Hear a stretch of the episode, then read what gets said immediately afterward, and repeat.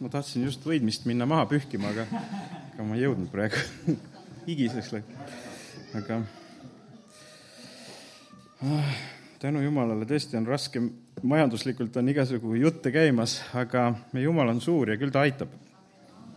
et kui sa võtad suure ajaloo, siis vaata asju natuke kõrgemalt, mitte ühe päeva lõikes, et vaata võib-olla pikemate perioodide lõikes ja kõik, mis on tehtud, saab teht-, mis on vaja teha, saab ikka tehtud et võib-olla jah, sul tuleb mingi takistus väiksemal perioodil, aga ära anna alla, tee seda pikema perioodiga ja ma vaatasin, ma käisin juhuslikult või noh, sõitsin Pauluse kirikust, Tartu Pauluse kirikust mööda ja Tartus olles ja mõtlesin, ma astun sinna sisse ja ilus kirik, et vaatan, pole ammu käinud ja, ja siis uurisime natuke ajalugu, siis tuleb välja, et see kirik on ikkagi ehitatud sõja ajal. nii et äh, sõja ajal saab ka ilusaid asju ehitada. ja see on ehitatud siis äh, Esimese maailmasõja ajal, noh nii et tänu Jumalale, miskit ei pea seisma jääma, kui on sõjaaeg. mis Jumal tahab, saab tehtud. amen.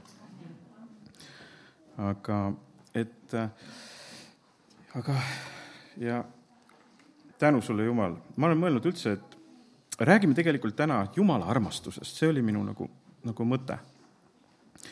jälle sellel teemal, ma võib-olla isegi kunagi mitte ammu ka midagi sarnast rääkisin, aga täna jälle, et tahtsin sellel teemal rääkida, see on Rooma kirja seitsmes peatükk. Rooma kirja seitsmes peatükk ja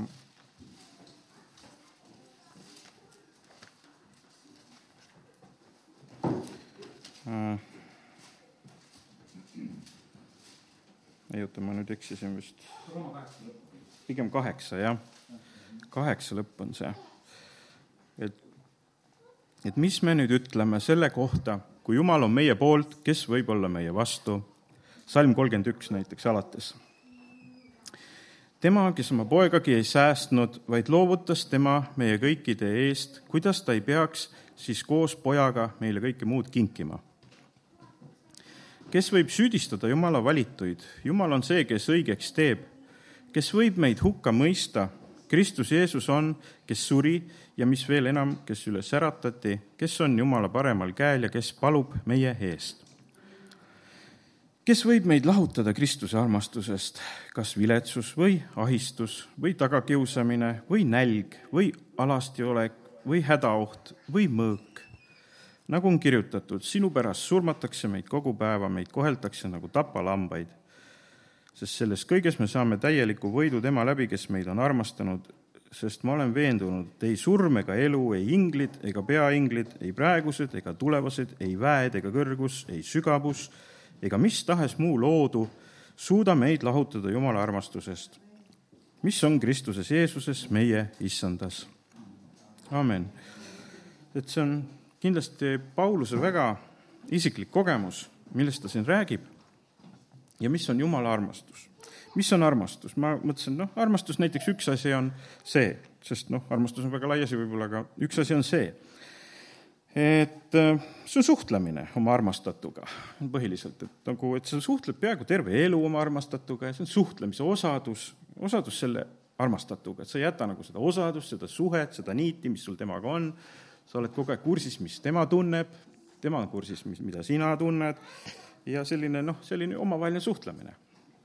ja Jumalaga on meil ju sama, et, et, et miski ei tohiks varjutada meil nagu siis Jumalaga suhtlemist. et ükski asi või ükski olukord või inimene ei tohiks rikkuda või hõivata Jumala suhtlemise nagu osa. et see osa peab alles jääma. ja, ja mina usun küll, et see oli, antud juhul on siin Pauluse isiklikud kogemused, noh, et mis ta siin luges. ja et ta luges selliseid asju ja tõenäoliselt oli ta kõike seda ise lihtsalt oma elus läbi elanud, mida ta luges. mis võisid olla siis tema olukorrad ja kus ta koges, et ikkagi Jumal ei jätnud teda maha. näiteks, noh, ta hakkab lugema peale sellest sõnast salm, salm kolmkümmend viis, et kus ta loeb, et viletsus, et, et kas viletsus katkestab Jumalaga ühenduse ja armastuse noh, esimene viletsus, mis mul meelde tuli Pauluse suhtes, oli see, et kui ta jumalaga kokku sai, jäi pimedaks, kukkus kohe hobuse pealt maha, juba viletsus. juba talutati temaga kuhugi. varsti ta sai kogemuse ja ilmutuse, et vau, et jumal ei jätnud mind maha, tegi mu nägijaks, päästis mind selles viletsuses. noh, see on niisugune esimene viletsus, mis meelde tuleb, mis Paulusel võis olla.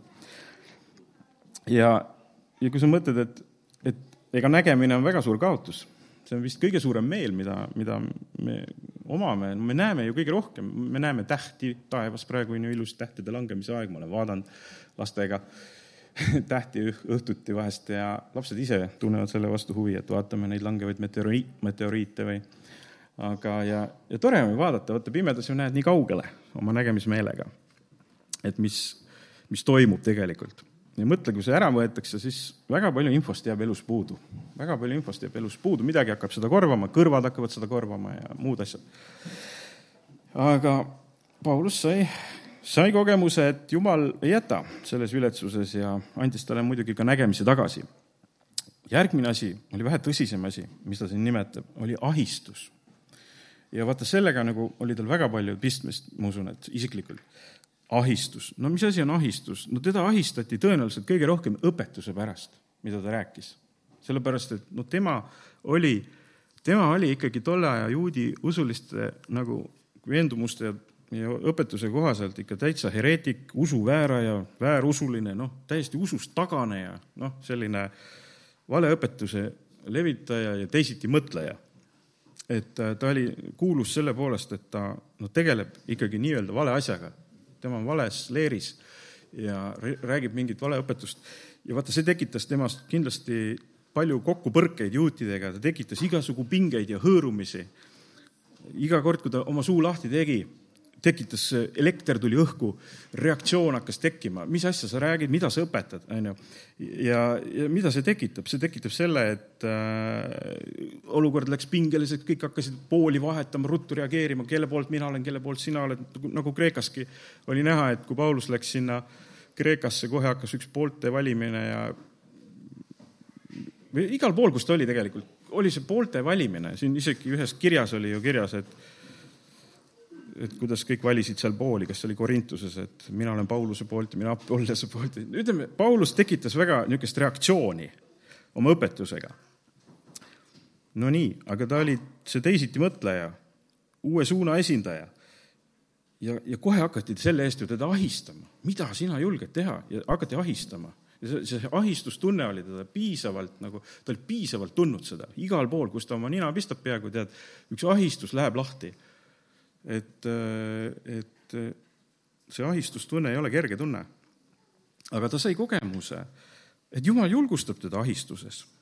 ta sai selle kogemuse, sellepärast kui ta kirjutab näiteks esimese Korintuse üks neli, et tema julgustab meid igas meie ahistuses, et me suudaksime julgustada neid, kes, kes on mis tahes ahistuses, julgus, julgustusega, millega Jumal meid endid julgustab nii et Paulus sai nagu tegelikult ühele asjale pihta, kui õpetuse pärast tekib ahistus, et sa ajad mingit muud juttu, sa oled vastu, vastusuunaline, sa oled teisiti mõtleja, siis Paulus sai aru küll, et tegelikult on võimalik tegutseda edasi. et äh, selles ahistuses, nendes piirangutes, mis mulle seatakse ja öeldakse, sa ei tohi siin rääkida ja sa ei tohi seal rääkida ja sõna võtta. ta, ta leidis, et Jumal hakkab teda julgustama ju. ja ja ta tegi kohe selle näiteks ka Korintuse kirjas esimese asjana selgeks, ütles, et number üks asi peaaegu, millega meil kohe tegemist on elus, kui me oleme usklikud, meil on ahistusega tegemist. kohe ütles, sa mõtle, see on kirja peaaegu esimene teema. Korintuse kirja esimene teema algas sellest, et kuulge, see on kõigile nüüd selge, et meid ahistatakse ju. meid ahistatakse ja meid ka, kristlased, tõenäoliselt ahistatakse. kes hakkab julgelt midagi ütlema või rääkima, ahistus on kohe kohal. ei ole midagi, et aplaus kohe on kohal, ei ole, ahistus on kohal üksi jääd seal võib-olla toanurka oma jutuga oma, oma arvamusega. aga sa pead olema, aga siis mõtle, sulle tuleb Jumal appi. milline kogemus tegelikult. et äh, Paulus oli julge mees ja, ja ta sai aru, et, et nüüd, kui minul on ahistus Jumala pärast, siis tuleb mulle seljatagune, mul tuleb Jumal. ja siis tuleb talle jumalik julgus ja küll siis inimesed nägid seda jumalikku julgust, mis Paulusel oli. nii et kui sa tahad ka jumalikku julgust, siis koge jumalikku ahistust ja sa saad jumala julgustust ja sa saad jumaliku julguse. tahad suurt julgust, ole nõus ahistusega, ole nõus ahistusega, ole nõus selle eluga, et ahistus tuleb. ja sa näed, nagu Paulus ütles, jumal ei jäta maha, ta armastab selles olukorras sind edasi. sa ära tunne süüdi, et oi, ma vist tegin midagi valesti, kõik hakkasid minu vastu, ei jumal, jumal tuleb appi selles olukorras. ja see oli tal väga tugev kogemus. ja meil oli ka mitte ammu ju siin kõvem ahistamine lahti läks siin mõned, mõned ajad tagasi ju ja igaüks, kuidas ta seda läbis, aga mina küll tundsin, et kui, kui mingis kohas olin julge, sain hakkama. jah, et ahist-, ahistati kõvasti, aga julgus, julgus ka kasvas, julgus kasvas et kes tahab tugevat julgust, suurt julgust, lase ennast ahistada. õpeta oma õpetusi ja ole nagu Paulus, onju. las ahistavad seal, las ahistavad seal, halleluuja. nii, järgmine punkt on tagakiusamine. see on ju ka tema väga isiklik kogemus, tagakiusamine, ma ei tea, kui palju mina olen tagakiusamist kogenud, ma ei oska öelda, võib-olla ei ole väga tagakiusamist kogenud, aga no see on niisugune sihilik äh, oh, sihilik planeeritud rünnak juba, see on ju gramm kõrgem juba, kangem asi, see ei ole lihtsalt, et sul seal ruumis tekkis see elekter ja see reaktsioon ja see ahistamine, see tunne lihtsalt võib-olla ja see niisugune sõnavahetus. aga seal tekib juba selline planeeritud, sihitud tegevus, et aga kuule, nüüd keeraks käru küll talle. nüüd teeme mingi plaani ja, ja keerame Paulusele noh, tõesti käru, et ta saaks haiget, ta saaks füüsiliselt haiget või mida iganes, et ütleme, see on juba sihilik tegevus ja Paulus tundis seda ka, et, et sellise asjaga, see saatanlik asi, see tagakius, minu arust see on puhta saatanlik asi. no, no mis, kust, jumal ei ole kutsunud meid küll kuskil taga kiusama, ma ei ole küll kohta leidnud piiblist, et kiusa taga vaenlast või ma ei tea, no see on täi-, puhta saatanlik tegevus. no see, no seal ei ole mingisugust kohta, et noh, võib-olla heal juhul me kiusame kuradit taga, kui me elame jumala, jumala elu, et, et ta tunneb meie, meie tagakiusu, heal juhul aga kuskile inimeste suunas ei ole vaja meil kunagi kedagi taga kiusata. noh, see ei ole tegevus. ligimest tuleb armastada ja, ja vaenlastki tuli armastada ja, ja see nüüd ei ole see asi, millega tegeleda. ja see on puhtalt saatanlik eh, mõttekäik. siis annab ideid juba saatan ise, kuidas seda teha, kuidas taga kiusata. ja, ja, ja Paulus tundis seda tunnet ja jumal ütleb, et ta võib ju vaenlasega hoopis rahu teha. kui see jumalale meeldib, ta võib panna sind vaenlasega ära leppima. see on jumala tõotus. et ju vaenlane, ta mõtleb selle all kindlasti inimest. noh, ta ei mõtle siin saatanat, temaga me rahu ei saa, aga inimesega. ja eks see vaenamine, see ongi üks omamoodi piinamine, enda piinamine, enda piinamine põhiliselt. sest ega kui kedagi vaenata, ega põhiliselt see vaenaja piinab iseennast et ta nagu läheb kuskile nii-öelda, mina mõtlen lausa nagu mingisuguse koti sisse, kus ta on seal, ja tegeleb oma kotis, oma vaenamisega ja ta on nagu ise selle koti sees, selle vaenamise koti sees seal. ja, ja see on mõttetu tegevus. et, et see, et need erinevad halvad tunded, need on nagu mingisugused koopad, kuhu me läheks või niisugune tunne, et üks koobas on vaenamine, sa lähed sinna koopasse, seal on vaenamise atmosfäär, sa lähed sinna, oled seal, tegeled selle asjaga, need on nagu erinevad kohad, et erinevad halvad asjad on, need on nagu kotid, mis pähe tõmmatakse, aga sealt kotist saab välja tulla. kui sul tekib tunne, et sul on mingi olukord, et sa oled nagu, tegeled mingi halva asjaga, tule sealt kotist välja, astu välja sealt kotist. ma olen tundnud seda, et kui vahepeal mingisugused vastikud tunded tulevad, ühel hetkel nagu mingi ingel tuleb ja lõikab selle nagu ukse lahti, ütleb, et kuule, tule välja siit kotist, mis sa passid siin, noh. et, et siin on mingisugune müür tehakse sulle ümber selle vaenamise hetkel või mingisuguse sellise tunde hetkel tehakse müür ümber ja siis sa nagu oled seal sees ja mõtled, et siit ei ole väljapääsu, ma pean norutama või ma pean midagi ühte või teist tegema. aga siis tuleb mingi ingel, et kuule, mis sa passid, tule välja. mis sa siin aega raiskad sealt kotist saab välja tulla ei ole mõtet passida seal koos teemonite või kurjade vaimudega kotis seal, osaduses nendega. nii, aga ja, ja, ja selles mõttes Paulusel oli ka neid sõpru palju, kes seal kotis olid ja mõtlesid, et mida selle vaenlasega teha, mida selle Paulusega teha ja ja mõtlesid ja planeerisid oma kurjaid ja riukaid seal midagi kokku keerata talle ja kuidas mõned andsid seal vande, et me ei söö tead enne, kui me ta maha lööme. Nelikümmend meest, ega päris õudne tegelikult ikkagi, mul, kui mul oleks ka info tuleks, nelikümmend meest on vande andnud, noh, et jah, mind kasti lüüa. ja peaks vist Venemaal põgenema sealt nad üle ei tule äkki kuskile turvalisse kohta et see on nagu väga karm. aga, et, aga Paulus tundis, et ka selles olukorras Jumal muudkui päästab teda, ei jäta teda maha, imeliselt tõmbab välja nendest olukordadest ja, ja, ja ta saab edasi, Jumal armastab teda seal ka ja meil ei katke, tal ei katke see osadus sellistes nii mustades ja süngetes hetkedest, mis võisid tekkida selle tagakiusamise, niisugune lohku tõmbamine, selline vastik tunne on ju, sa mõtled, et kõik on meid maha jätnud. ei, aga ta tunneb, et ikka, ikka ma saan ühendust Jumalaga.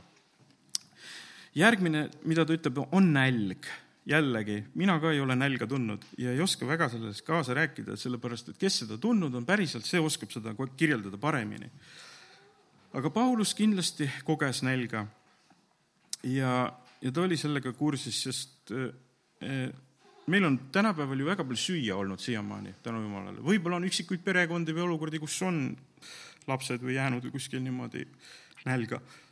aga enamasti meil ikkagi vist märgatakse ja eluvaim jääb sisse, et sotsiaaltöötajad või keegi kuskil ikka märkab ja, ja parandab selle olukorra ära. aga, aga siis paastumine, see on hoopis teine asi, noh, sa paastud, aga sul on ju, sul on ju see külmkapp lähedal ja sa võid iga hetk paastumise lõpetada ja käe sirutada külmkappi ja panna jälle midagi suhu, et see on nagu, see ei ole võrreldav näljaga paastud täis külmkapi juures või nälgid. et noh, see ei ole see. Paastumine on ikka niisugune, noh, sul on alati sealt nagu väljapääs ja sa saad nagu sealt ju välja tulla. nälg on nälg ja e, nälg on siis, kui tõesti mitte midagi süüa ei ole. ja, ja, ja, ja, ja see ihu ütleb ja karjub juba täiesti miskit muud. see füüsiline olukord tõenäoliselt räägib nii kõva häälega juba ja Paulus tundis ka, et, et, et see võib kannatama panna Jumalaga suhet, et sa lihtsalt mõtled ainult ühest asjast, et kuidas süüa saada, noh. sa ei suuda ju enam suheldagi, noh, et sa mõtled ju ühest asjast ainult, et noh, et kuidas süüa saada või. ja, ja sihuke tunne, aga siis korraga inimesel võib ka tõenäoliselt tekkida väga raske just enda füüsilise, füüsilise ihuga niisugune olukord, mis kahvatab nagu tema osaduse Jumalaga ja ja siis korraga ta tunneb, et tõenäoliselt ka nagu noalaevas, et väike luuk läheb lahti, kus tuvi käib sisse ja välja ja ta saab taevaga ühendust, isegi seal hullus olukorras, seal näljas. nii et usume, et, et näed, et Jumal ütleb, et ei ole midagi, et sa oled näljas, üks väike luuk on ikka, me saame rääkida.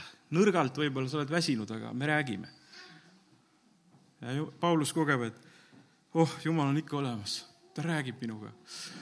oh, väga hea, mul on nii halb olla, aga Jumal pole kuskil mind maha jätnud, et meil on see suhe, meil on see suhe, eks ju. Ja tal on see kogemus, et, et, et, et see nälg ei võtnud ära minult Jumalaga suhet, ei võtnud.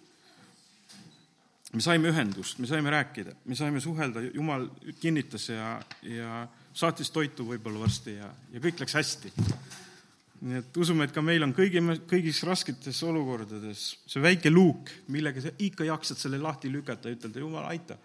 ja siis tuleb signaal, ma aitan, kõik on hästi. ära muretse, püha vaim, nagu seal laevas see tuvi käis sisse-välja, kes mäletab seda Noa laeva lugu. jumal aitab meid. järgmine sõna oli see alastiolek. jälle, ei ole ka seda pidanud väga kogema meie, meie ühiskond, et tihtipeale ikka kõigil riided seljas, meil on soe. tollel ajal, tollel ajal võib-olla oli see probleem, eriti Paulusel, kui ta visati võib-olla vangikongi, kus oli päris külm. Ja kui sinna ikkagi tekke kaasa ei anta, ütleme, et äh, visata kuskile kongi madalale, madalale maa sisse, kus on külm ja, ja tekke ei saa, siis on ikka päris külm. et seal ei ole nalja. ja, ja siis jälle, see hõivab täielikult mõttemaailma ju tegelikult, kui see mõjub meie enesetundele, et äh, me muust ei mõtle, kus saaks sooja. ja see tugevalt hõivab meie mõtted.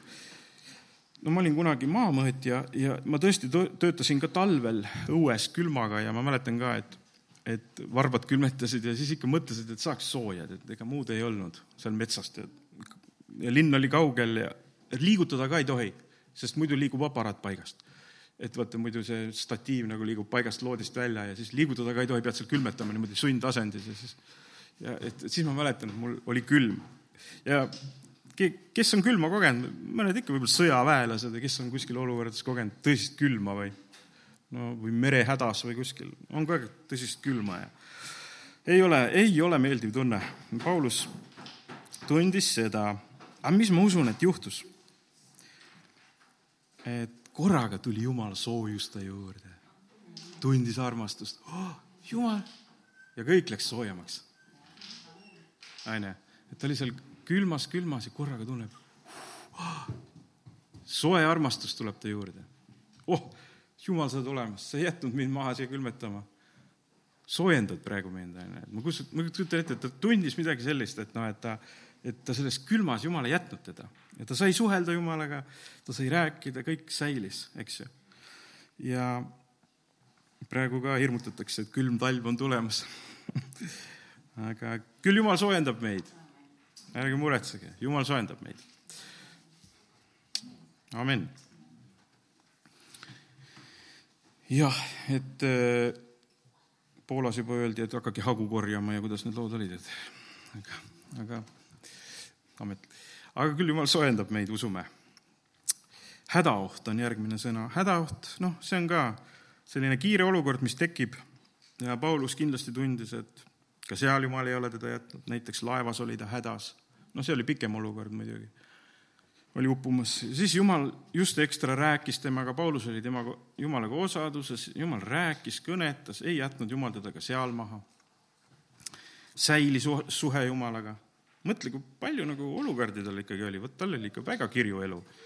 ma ei tea, minul küll niisugust, no niisugust võitlust pole elus olnud, et nälga, külma ja kõiki asju, et jumala pärast. tal oli ikka väga lai spekter kogemusi, mida jumala pärast pead tundma.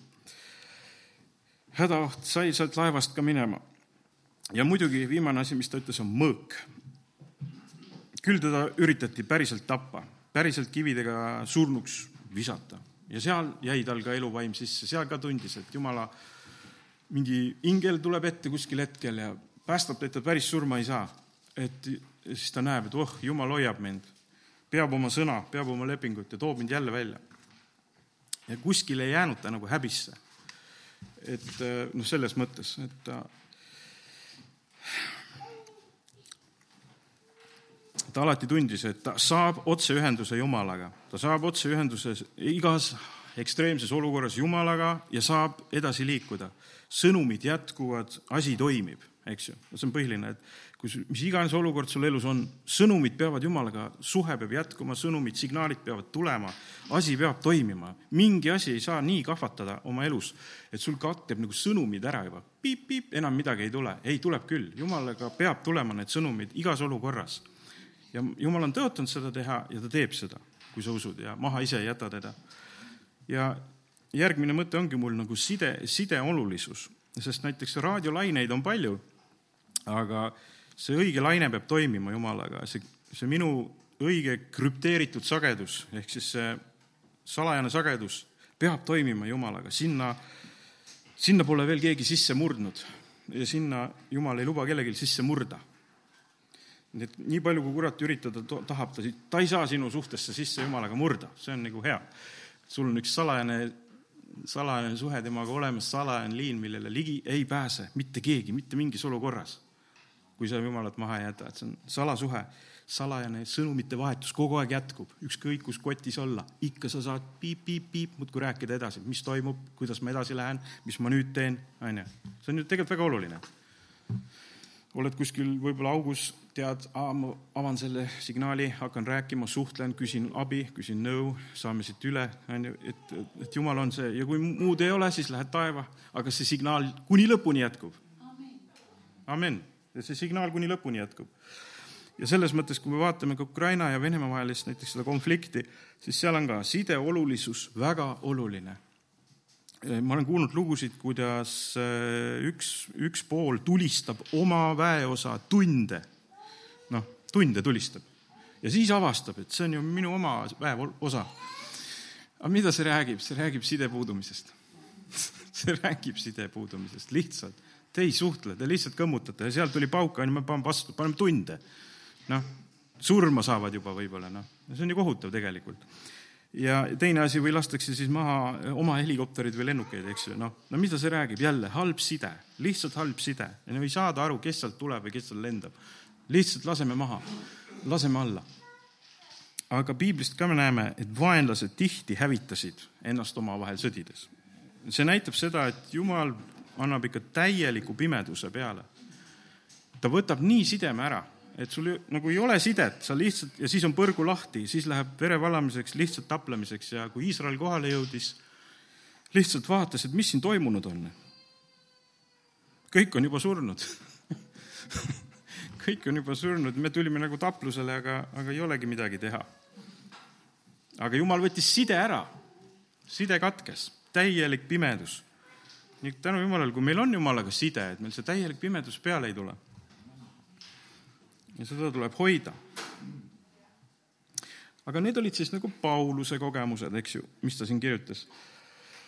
ja ma usun, et meil kõigil isiklikult on nüüd ka omad kogemused, eks ju, et mis asi võib meie suhet Jumalaga ära nagu äh, häirima panna, et äh, meil on kõigil ju omad olukorrad ja meil on oma nimekiri asjadest, mis on tõmmanud meil nagu Jumalaga suhte nagu ohtu ja kus me oleme kogenud, et et oot-oot-oot, et mul ei ole nagu signaali enam või, või et mis asja, et nüüd ma lahendan juba nagu ise asju või, et, et kas ma nagu jumala abi kadus ära või, või milles küsimus või. niisugune tunne tuleb peale, et kas, kas, kas jumal on enam minuga, eks ju, et või. aga ma olen näinud ikkagi kuni siiamaani, et usuelus, et ikka signaal tuleb tagasi. Tee, mis, ikka tuleb tagasi ühel hetkel. aa, olemas, käes, räägime nüüd saan aru, räägime, onju, et ütleme, et sul võib tulla selliseid olukordi elus, et sa tunned, et appi, appi, appi, nüüd keerab kõik pahupidi, ma ei saa mitte midagi aru, mis siin toimub. noh, hetkeliselt tuleb niisugune tunne. aga siis ühel hetkel tunned, ei, taastub, taastub, signaal taastub, me saame rääkida. ja, ja neid olukordi võib su elus olla olnud ja tuleb veel väga palju, kus sa pead nagu seda signaali muudkui otsima, anna nüüd, anna nüüd, ma ei taha ise otsustada, ma tahan nagu tarkust saada sinu käest, mis siin toimub, mis siin toimub ja sa pead ruttu suutma nagu see signaali kätte saada, et jälle infot saada Jumala käest, et ta annaks kõrgelt oma troonilt nagu ülevalt alla tead olukorra kohta infot, et nagu sa oled trooni pealt, vaataks, kus keegi jookseb, et mis plaanid tegelikult kellelgi on, eks ju, ja mis asjad, et noh, et sul oleks info käes. ja, ja meie mõttemaailm tihti ju hõivab jah, väga võimsalt. on olemas igasugu, meie mõttemaailm saab hõivatud väga võimsalt mõnede mõtetega või olukordadega ju. ja, ja siis on niisugune tunne, et ruumi ei ole rohkem. oleme omas kotis ja on igasugu vaimseid lõkse ka kindlasti, kuhu sisse astuda äh,. igasuguseid vaimseid ja hingelisi lõkse, kuhu sisse astuda ja et kus tun-, kus me lihtsalt äh, tekib niisuguseid olukordi jälle, kus me kaotame signaali, igasuguseid lõkse on täis, igasuguseid miine on täis, eks ju, see vaimne maailm ka, et kus me kõnnime. astud jälle ühe miini otsa, tead, mõtled, et ilus mänguasi võtaks. aga tegelikult on miin, tegelikult on miin ja käib pauk ja sa tunned, ajaa, oota, nüüd on jälle kõik sassi see tagurpidi elus. oo, mis asja. et, et ei tasu igal, igat asja võtta, mis tundub ilus, ei tasu igal pool astuda. Tuleb vaadata, ega miine maas ei ole. ja et ja me peame vaatama, et ükski mõte ei teeks meie elus ennast nii tähtsaks ja ükski olukord, sest kui sul juba tunned, et mingi olukord on ikka no nii võimatult vinge ja tähtis, et noh, et siis sa tead, et see hakkab juba seda kohta hõivama, et see hakkab juba jumala kohta hõivama. see ei ole normaalne. Kui ükski olukord, kui mingi olukord hakkab sulle juba nii karjuma, et ütleb, et no siit ei ole väljapääsu, no tere hommikust, no vaata, siis sa oled jumala kohe ära hõivanud, see olukord. no kes sa nüüd, kes sa nüüd enda arvates oled, olukord, jah? jumal või? et noh, et nüüd, nüüd ma mõtlen juba niimoodi, et nüüd, et olukord on jumal ja jumalat ei ole. vaata, see on see inimene, et mul on niisuguseid tundeid ikka tuleb, et mingis olukorras, et, et võimatu olukord. aga siis tuleb öelda, et ei ole ükski olukord suurem jumalast. Ja rahu peab säilima, rahu peab säilima, osadus peab säilima Jumalaga. no võtame näiteks inimestevahelisi suhteid. meil on inimsuhteid, tihti oleme mõjutatud ka ju inimestest, eks ju, meie ümber. ja küll üks ütleb midagi ja teine paneb midagi paika su elus ja ütleb, et nii peab olema või naa peab olema, tead. aga tegelikkuses äh, küsi endalt, kas rääkis Jumal või rääkis inimene et vahest me võtame väga-väga hinge inimeste asju ka. noh, mida inimene ütleb või mingi nagu, näiteks praegu eh, on sõjaolukord ja võib-olla paljud pastoridki võtavad isiklikult arvamust, valivad pooli, ütlevad, kes on kelle poolt, eks ju. isiklik arvamus tõenäoliselt, noh, selline, et noh, et ja siis võib nagu pettuda, et kuule, oot-oot-oot, et ega ma olin nagu teiste poolt, et, et ega tema on nüüd nende poolt või, ja siis tekib mingi pettumuse tunne võib-olla onju. aga tegelikult siis sa oled teinud sellest pastorist mingi jumala või? noh, ei tohi nii, ära pettu, ära pettu kunagi, sest sa ei tohi teha ühestki inimesest ega suurest apostlist ega mitte kellestki jumalat. noh, mis asi teeb, mis ütleja tema nüüd on siin? jumal olgu see signaali ütleja, muidu tuleb läbi kellegi kogu aeg see signaal sul seal, et vaatame iga pühapäev, mis ta räägib, signaal. et ei ole need signaalid nii tähtsad midagi, et kui nüüd inimene ütles ja arvas. me oleme ikkagi inimesed, jääme oma raamidesse, me oleme inimesed. ja jääme, meil on, jumal on, lubab meil väga palju inimlikkust, nagunii, ta ei keela. sa oled selliseks sündinud, ta lubab sul inimlik olla. kui sa oled inimene, inimene, sa oled ka inimlik, noh paratamatult, me oleme inimesed ja meil on omad tunded ja värgid, eks ju, eelistused, värvieelistused, kõik eelistused, noh nii, aga et ärgu ükski inimene saagu jumalaks, siis sa saad elada kuni lõpuni. sa pead nagu suutma, et ühe asja seisma panna, et jumal jääb alati jumalaks ja inimesed jäävad inimesteks. ja siis sa paned lõpuni, kuni võiduka surmani e, ja lähed taevasse oma jumala juurde. ja et e, kindlasti väga paljud inimesed ka koguduses on lihtsalt jooksnud ära inimeste otsa koperdades, eks ju. Nad arvasid, et need on jumal. mis mõttes, mis jumal tema oli, ta on inimene tule julgelt tagasi, kes sa võib-olla vaatad seal telekas, onju, et salaja. inimesed oleme, inimeseks jääme, aga jumal ka on ja jumal jääb jumalaks. tule tagasi. tõsta nüüd oma pilk, fookusseeri Jumala peale. tule käi kirikus, aga fookus Jumala peal. käi jälle kirikus, ikka mõtle, räägi omaga, Jumalaga asjad üle, kui sa tahad, onju. ära, ära ühestki inimesest Jumalat enam tee. mõttetu, eks ju. nii et see, ma usun, et see on ka lapsepõlves hea võib-olla, et kui väiksed vaimulikud lapsed on, miks mitte keegi aitab sind ja sul on suur rõõm sellest, kui keegi nagu MS-i aitab sind, eks ju, vaimulikus mõttes. aga ühel hetkel tekib see olukord, kus oh, sa võid pettuda. minu lapsed ka kindlasti on mul juba väljendanud päris korralikult, et mida nemad elus teistmoodi tahavad teha. las teevad. tehku paremini. mina küll mingeid piire ei sea neile, et sa pead nii tegema. las aga teevad. jumal on neid loonud, jumal teeb nende läbi midagi uut sellepärast ütleb piibel, jätad maha oma ema-isa ja hoiad oma naise poole. noh, et tekiks uus pere, uued suhted, uus signaal tugevamini, et signaal ei oleks häiritud, sõnumid vahetuksid korralikult, ütleme, et see üksus töötaks ilusti, et ei oleks vahesignaale väga palju. jumal on niimoodi ju mõelnud, eks ju, amen. nii. ja, ja, ja järgmine väga tugev asi, mis signaali segab, on ka üks väga kaval asi. see on südametunnistus sa ei saa mitte kuskile joosta selle eest, sa võid autoga suure hoo sisse panna, aga no süda tuleb kaasa. joosta võid, no ikka pea tuleb kaasa, süda tuleb kaasa, noh. sa võitled sellega, mis sul kaasas on. sa võid joosta mõne olukorra eest ära, aga sa ei jookse oma südametunnistusest ära. see on niisugune asi sa võid, ja see oi-oi-oi, see tegutseb seal, tead. ja keegi on selle häälestanud, ise oled lasknud selle muidugi häälestada. ja, sest ära sa tule mulle ütlema, et, et sul pole südametunnistus tööd teinud. kõigil on. võimsalt. Lähed kooli, tehakse kohe reeglid selgeks, kuidas käib, kuidas ei tohi. kui mina kooli läksin, siis oli niimoodi, et äh, olid koolivormid, vahetunnis pidid kahekaupa käest kinni kõndima ratast ringi, mäletad vahetundi? ja, ja mõtle, pärast juba südametunnistus ütles, kui sa ei kõnni niimoodi, sa oled midagi, sa oled paha poiss. kui sa ringi ei kõnni vahetunnil. õpetaja tuli, vaatas oma pilguga kõigil hakkas südametunnistus tööle, võeti rivvi ja kahekaupa. no mis see on, see on kooli südametunnistus või siis noh, mingid muud reeglid koolis, et noh, et käed peavad olema laual niimoodi. kui sa tahad tõsta, tõsta niimoodi. jah, ära vaata kõrvale, ära vaata paremale, vaata otse õpetajale otsa umbes, tint, no kõik need reeglid on ju. Ja kui sa tõstsid käed nii, sul juba süda, ai, ma olen pattu teinud, tagasi ruttu. aga tegelikult noh, kui sa võtad, no mis patt see nüüd oli nüüd noh, ma tõstsin käed ära või noh, tegelikult see ei ole nagu selles mõttes patt ju, see on reegel aga see hakkab töötama koos südametunnistusega peaaegu lastel. lasteaias igal pool pannakse reeglid paika, no nende südametunnistus väga ruttu võtab need reeglid ja hakkab seda pidama. ja, ja me haarame, haarame kooli minnes väga hoobilt kõik reeglid, meil hakkab süda piinama, me tunneme, et me oleme valesti teinud. mõned marakratid seal koolis, noh, on julgemad, need hakkasid vastu, tegid nalja õpetajaga ja vigurdasid ja äh, tead. ma saan aru, et naljamehed on ka igas klassis, onju aga siis need olid pahad poisid, need olid pahad poisid. aga vaata see Toots, see paha poiss oli pärast vallavanem. aga tal, ta ei olnud niisugune mees, kes laseb ladestuda enda peale kogu aeg mingisugused reeglid, mingi köster ütles, tead. Sa oled issanda nuhtluseks sündinud, mis ta seal ütles talle, tead. tead, Toots oli niisugune mees, ta lasi nagu see, ah, vasakule ja paremale sellised ütlused, ma tead, raputas maha ja elas edasi, oli optimist ja, ja lõpuks oli vallavanem.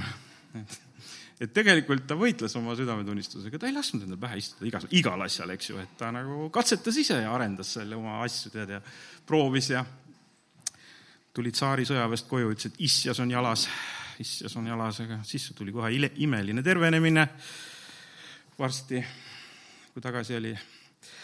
olgu, need on lõbusad Eesti, Eesti lood ja mõtle, kui lahe oli see tsaariaeg tegelikult, milliseid lugusid, on ju, tuli meile lugeda, et see oli ilus aeg aga kuhu ma jäingi oma mõttega selle südametunnistuse juurde ju, et äh, lähed uude kollektiivi, kohe haarad, mis reeglid siin on, mis on tähtis, mis ei ole.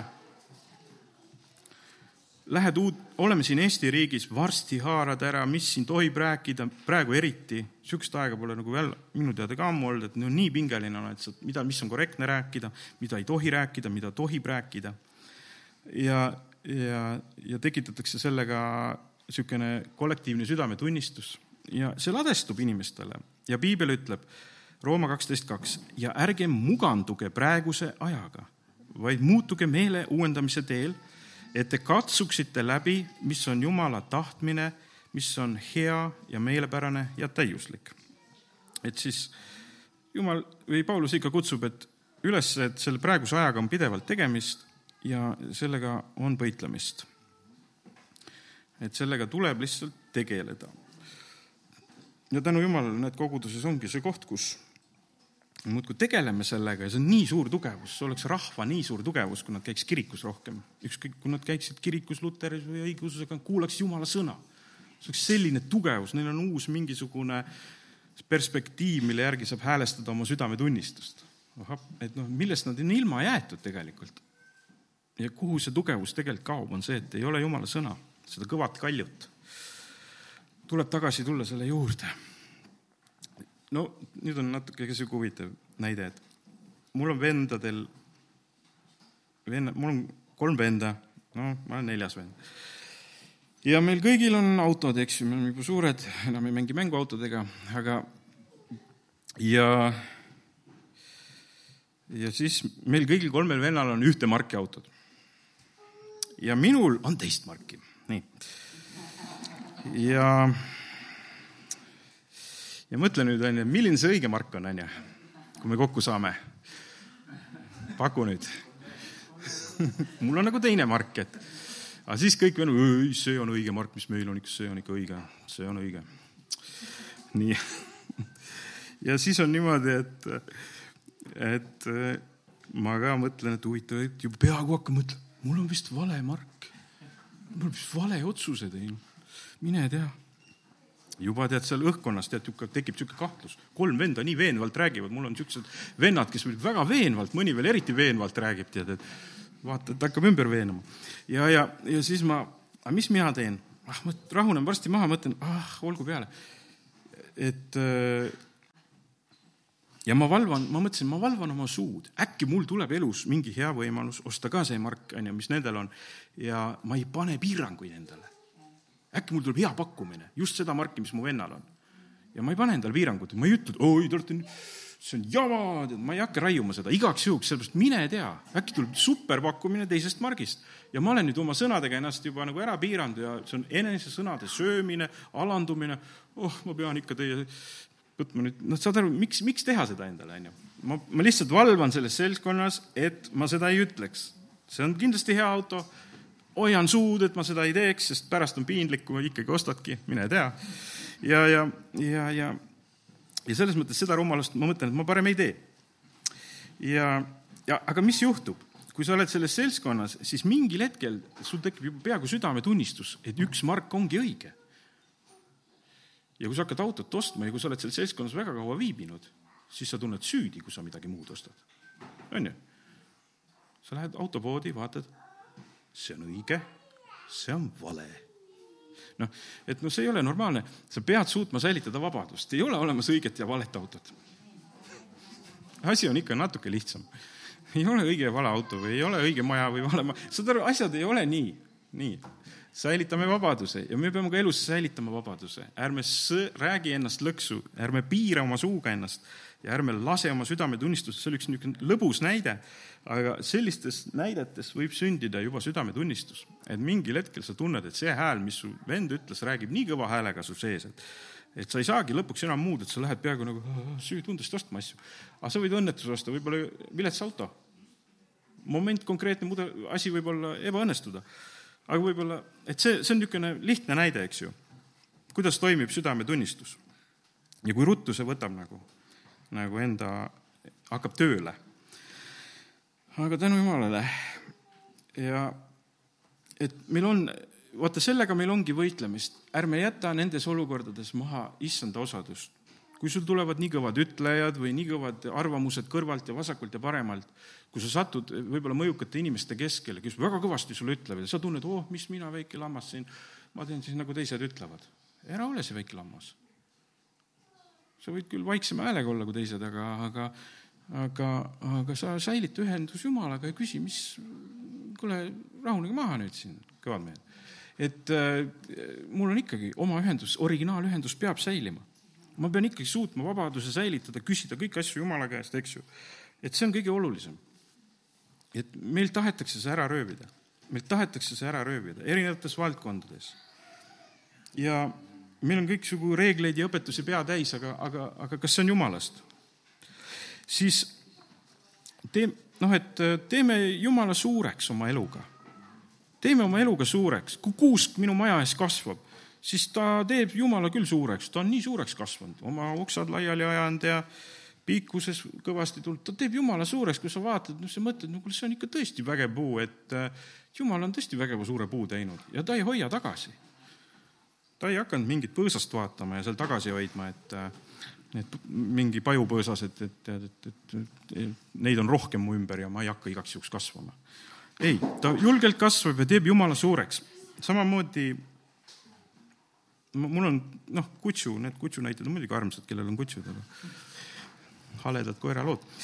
aga ma imestan, kui hästi ta lõhna tunneb, no see on lihtsalt jumala ime kuidas ta tunneb, no ma juba teen nalja, et ta vist kuuleb lõhna ja näeb ka lõhna juba, et, et ta, ta lihtsalt äh, hoovilt äh, võtab mingi kits, jookseb mööda maad, seal metskits ja ta suudab eristada ruttu, võtab lõhnaproovi ja paneb otsejoones tema järele, kuigi kitse enam ei ole.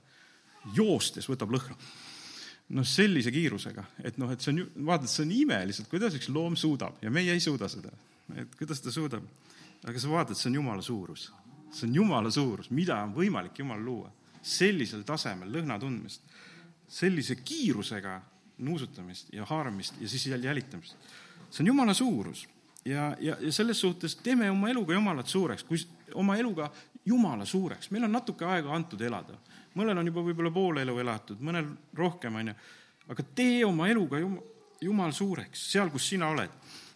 ära piira ennast, ära, ära, ära kasva niisuguseks piiratuks inimeste piiratuks inimeseks, vaid lase Jumalal, räägi otseühenduses Jumalaga ja kasva, eks ju. ja saada ära need valed koputajad, sest mäletate, Nõukogude ajal käisid koputajad. et mina seda ei tea, ma olen lugusid kuulnud, on ju, et, et olid siis äh, kontorites olid või nendes asutustes olid koputajad. ja see südametunnistus on ka meil nagu koputaja. Et noh, su enda südametunnistus koputab seal sinu enda peale, saada neid koputajaid minema. nii ei tohi rääkida, nii ei tohi öelda.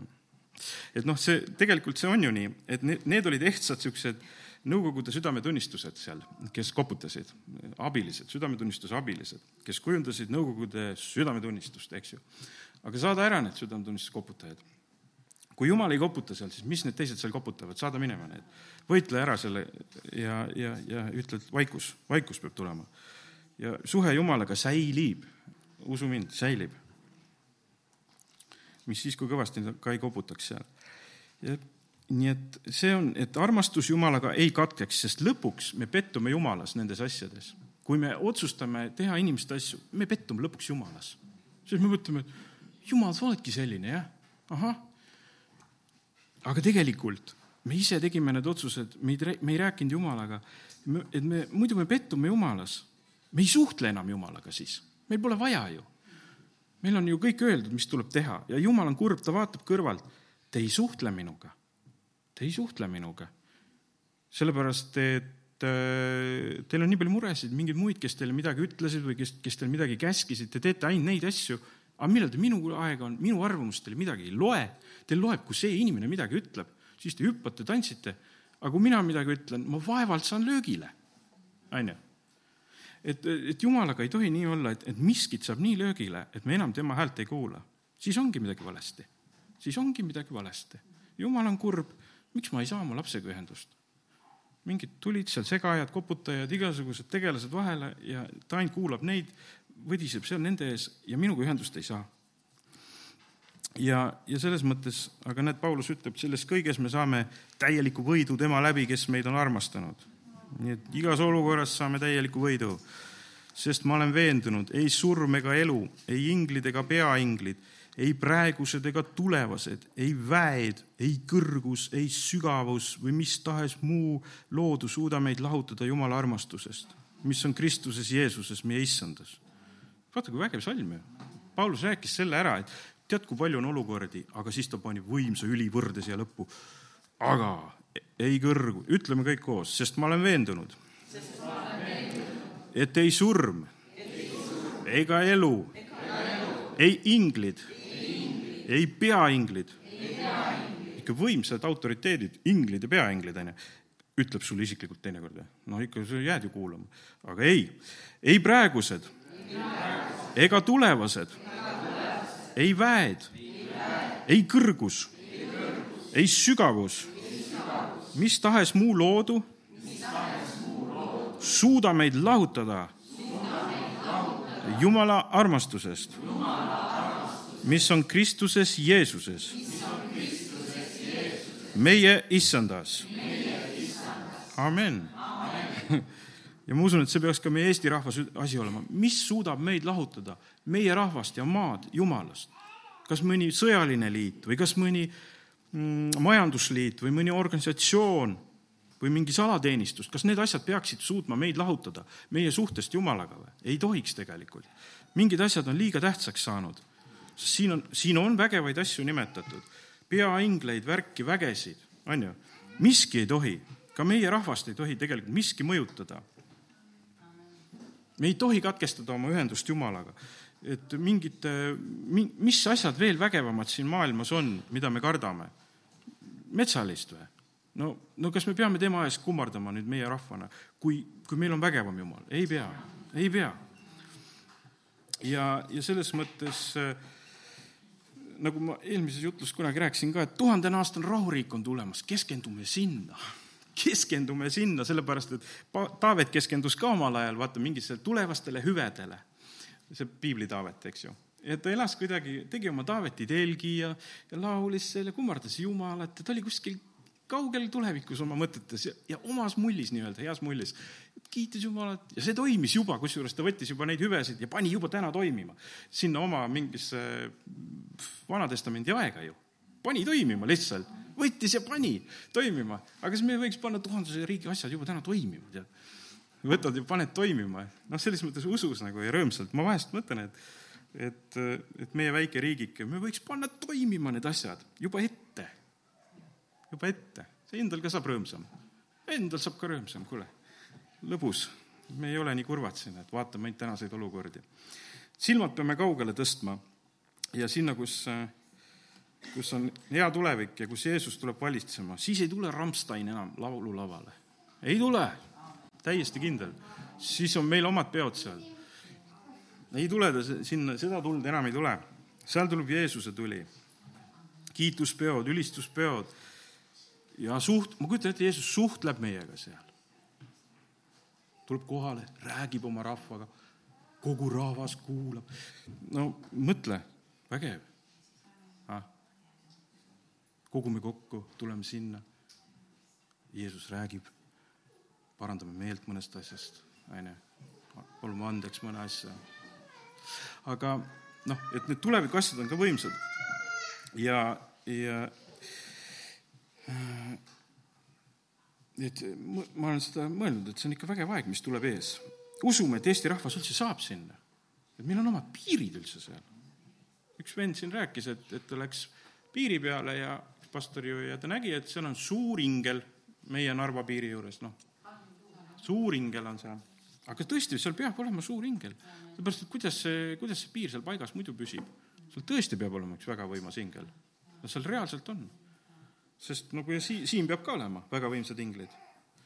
et äh, muidu nad ei püsiks need paigal ju. sest no need on ikkagi jumala pandud. ja usume, et me saame need piirid ka sinna tuhandese aasta rahuriiki.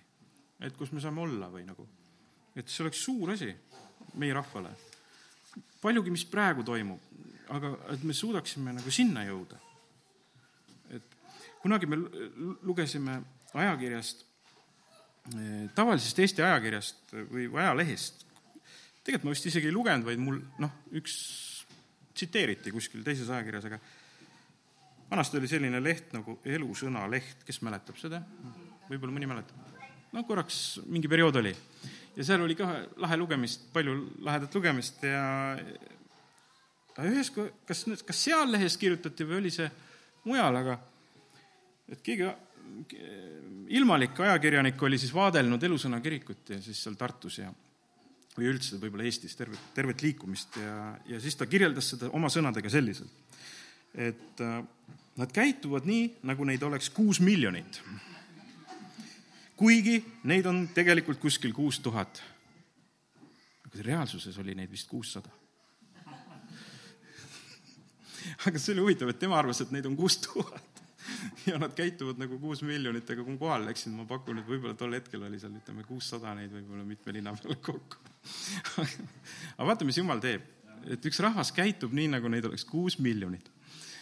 ja kõik usuvadki, et neid on kuus tuhat või vähemalt see ajakirjanik usub, et neid on kuus tuhat. Nad väga väärikalt käitusid ikkagi, peaks ütlema. vaata, see rahvas oli küll sealt tuhandest aastast rahuriigist, ma usun. see oli sealt. see käitus niimoodi see käitus nii, nagu see oleks täna siin juba selles saalis. jah, see pastor oli nii väärikas, et see käitus, et see riik on siin. on ju, mäletate, kui soliidselt see käis?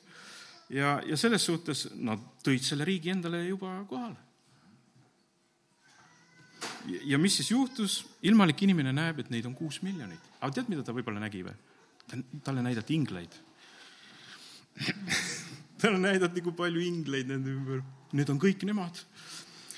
ja siis, või noh, tähendab, ta nägi, ta nägi kuutesada inimest, aga ta, ta nägi kuute tuhandet võib-olla koos inglitega. ta võib-olla vist nägi ingleid ta tajus ära, need on reaalsed olendid, inglid on olendid. no ja siis ta nagu, kuus tuhat peab siin olema kuskil oligi, oligi, inglid olid seal. halleluuja, vägevad inglid. tegelikult ju lõbus lugu ju, väga lõbus lugu minu arust aga see oligi see, et, äh, et nad käitusid tõesti nii, nagu see tuhandeaastane rahuriik oleks täna ja siin ja saalis. uks lööb lukku õigel ajal, oli ju see reegel väga pidulik oli. sellepärast see riik on siin. amen, eks ju, ja meil ka, see riik on siin, see toimib. halleluuja, meid on kuus miljonit. noh aga nii ongi võib-olla, kui vaimset maailma vaadata, et neid ingleid ja neid kaitsjaid ja mina ei tea, kui palju siin olla võib. no kuus tuhat võib-olla, see miljon on. jah, nii aga tõuseme, palvetame ja selle ja tänu sulle, Jeesus, selle pühapäeva eest, täname sind nende mõtete eest ja me täname, et, et oli tore jagada ja mõelda ja lausa unistada siin kantslis selle üle, mida sina võid teha. tänu sulle, Jeesus, et, et me võime olla sinu ees nagu sellised unistajad, sinu ees sellised mõtlejad, sellised, nagu vanasti öeldi, et on, on on sellised suurmõtlejad või kuskil, et mingid kirjanikud, kes mõtlesid, mõtlesid meie rahva peale. isa, olgu, olgu meie ka sellised suurmõtlejad sinu ees, kes mõtlevad, kuidas sina võiksid meid õnnistada, seda maad ja rahvast õnnistada, kuidas me peaksime käituma, kuidas me peaksime elama ja tänu sulle, Jeesus, et sina oled suur ja, ja, ja las mitte miski võtab, mitte miski ei sega meil seda ühendust sinuga, mitte ükski olukord, Jeesus, sest sa tuled varsti tagasi, kõik saab ilmsiks, siin ei ole küsimust ja me varsti näeme sind ja olgu see side meil sinuga kuni aegade lõpuni Jeesuse nimel, aamen, amen..